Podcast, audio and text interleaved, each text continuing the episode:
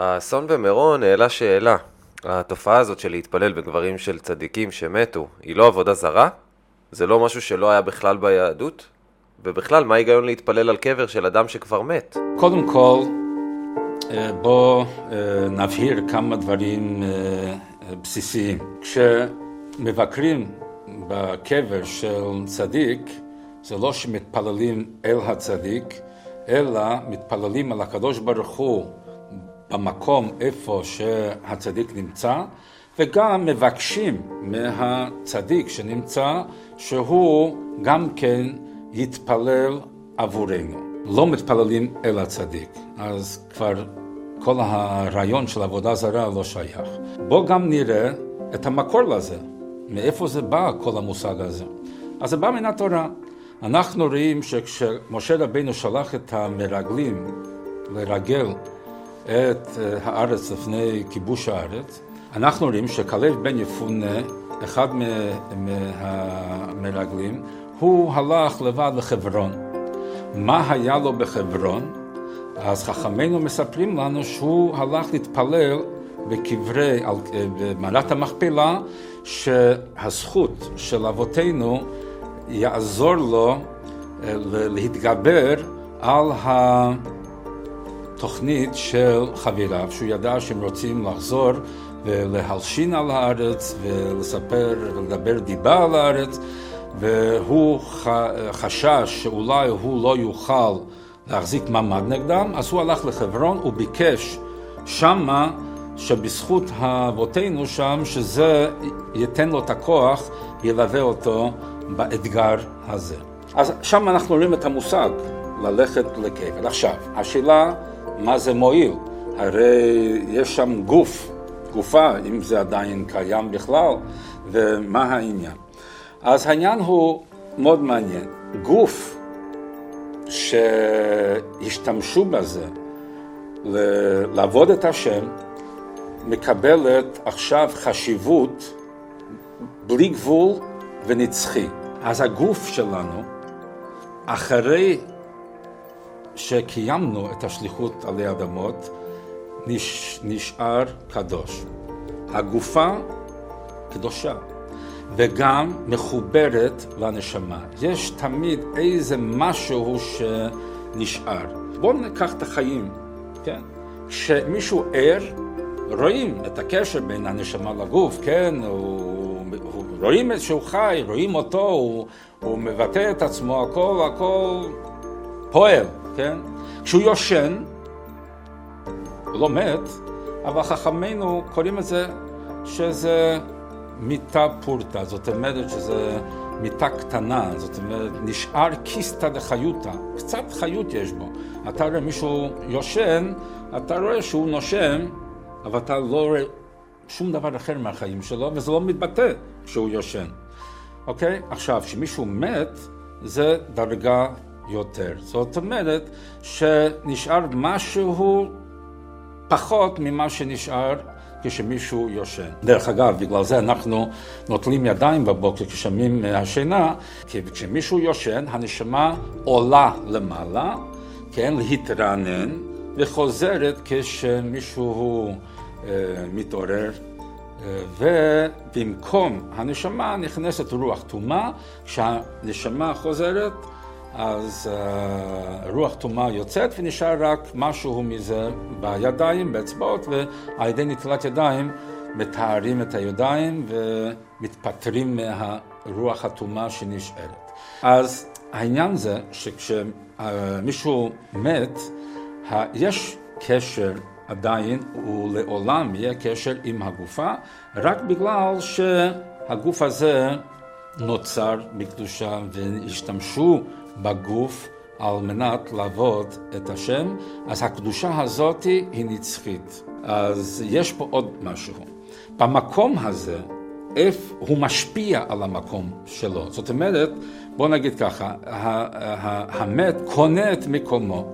עכשיו הקבר הזה זה קבר של פלוני אלמוני שנמצא שם, כן? זה שלו. אז אם זה שלו, זה גם אה, מושפע מהרוחניות שלו. כשמישהו הולך לקבר של צדיק, אז עדיין יש שם, ותמיד יהיה שם, הקדושה שנוצרה על ידי החיים שלו, וזה עוזר למי שבא להתפלל, להתקשר עם הקדוש ברוך הוא עם יותר בהירות, זה כמו bandwidth רחב יותר. זה מעורר יותר את הכוונה, זה מחזק את הנשמה, זה עוזר ב... במלחמה שיש בין נפש האלוקית ונפש הבעמית, בין הנשמה והגוף, אז שמה כשנמצאים בנוכחות של הצדיק, אפילו אם זה הקבר שלו, זה משפיע, זה עוזר גם כן, כמו שהוא בחיים שלו התגבר על, על אה, פיתויי עולם הזה, עוזר לנו גם כן להתחזק מזה. אז אפשר להתפלל בכל קבר של קרוב משפחה שנפטר או חבר, למה דווקא בקברים של צדיקים? האמת היא שאנחנו לא מבינים מה זה צדיק. צדיק זה לא רק מי שעושה הרבה מצוות. צדיק הוא בן אדם במובן, במלוא מובן המילה. מה הפירוש? האמת היא, חכמינו אומרים שכל החיות ובהמות פוחדים מאדם. לא יכולים להזיק כי פוחדים, רואים אדם ויש להם פחד. אז איך זה שיתושים עוקצים, וכשאתה רואה נחש, אה, הוא לא מפחד, אתה מפחד, מה קורה פה? אז התשובה היא כי אנחנו לא מתנהגים כבני אדם, אנחנו מתנהגים כחיות ובהמות. וכשהחיה רואה חיה אחרת, אם היא יותר חזקה, אז היא תוקפת. מה הפירוש? מה ההבדל בין אדם לבהמה? בהמה מתנהגת לפי הטבע שלה. אי אפשר לשנות. אדם שולט על הטבע שלו. האדם יכול לבחור לחיות כבהמה, להתנהג לפי הטבע, או לחיות כמו אדם ששולט על הטבע. צדיק זה בן אדם ששולט על הטבע שלו, שאף פעם לא עושה שום דבר בגלל שהגוף רוצה. הוא עושה כי הוא מבין שזה מה שהקדוש ברוך הוא רוצה. אוקיי? אז זה לא רק עניין של מצווה ועבירה, זה ששולט על הגוף וזה הופך אותו להיות אדם במלוא מובן המילה. עכשיו כשחיה או בהמה רואה מישהו כזה, פוחד. זה הסיבה למה כשזרקו את דניאל לגובה האריות, הם לא עשו לו שום נזק. זרקו אותו לגובה האריות שהיו רעבים, לא נגעו בו. למה? פחדו ממנו. למה? ראו אדם, הוא אדם ששלט על הכל. חכמינו מספרים שבלילה לפני קבלת התורה, היתושים לא עקצו את בני ישראל, ישנו כל הלילה. למה? כי היו בדרגה כל כך גבוהה אחרי אה, שבעה שבועות של התעלות רוחנית, כהכנה לקבלת התורה, הם היו ברמה כל כך גבוהה שהיתושים לא מזיקים למישהו שהוא אדם, באמת אדם. וגם כן למה יוסף הצדיק זרקו אותו לבור מלא נחשים ועקרבים, כי הרי כתוב הבור ריק אין בו מים, למה אה, ריק אין בו מים? אם זה ריק פשוט שאין בו מים, מים, ואם יש מים אז זה לא ריק, כן? כמו השאלה כמה ביצים אפשר לאכול עם הבטן, אה, זאת אומרת, ריק, רק אחד, אחרי זה זה כבר לא ריק. אומרים חכמינו, התורה מרמזת פה הבור ריק, אין בו מים, מים אין בו, אבל נחשים ועקרבים יש בו. אז הם זרקו את יוסף הצדיק לתוך בור מלא נחשים ועקרבים. מי יכול לשרוד מזה? יוסף הצדיק. הוא היה אדם אדם.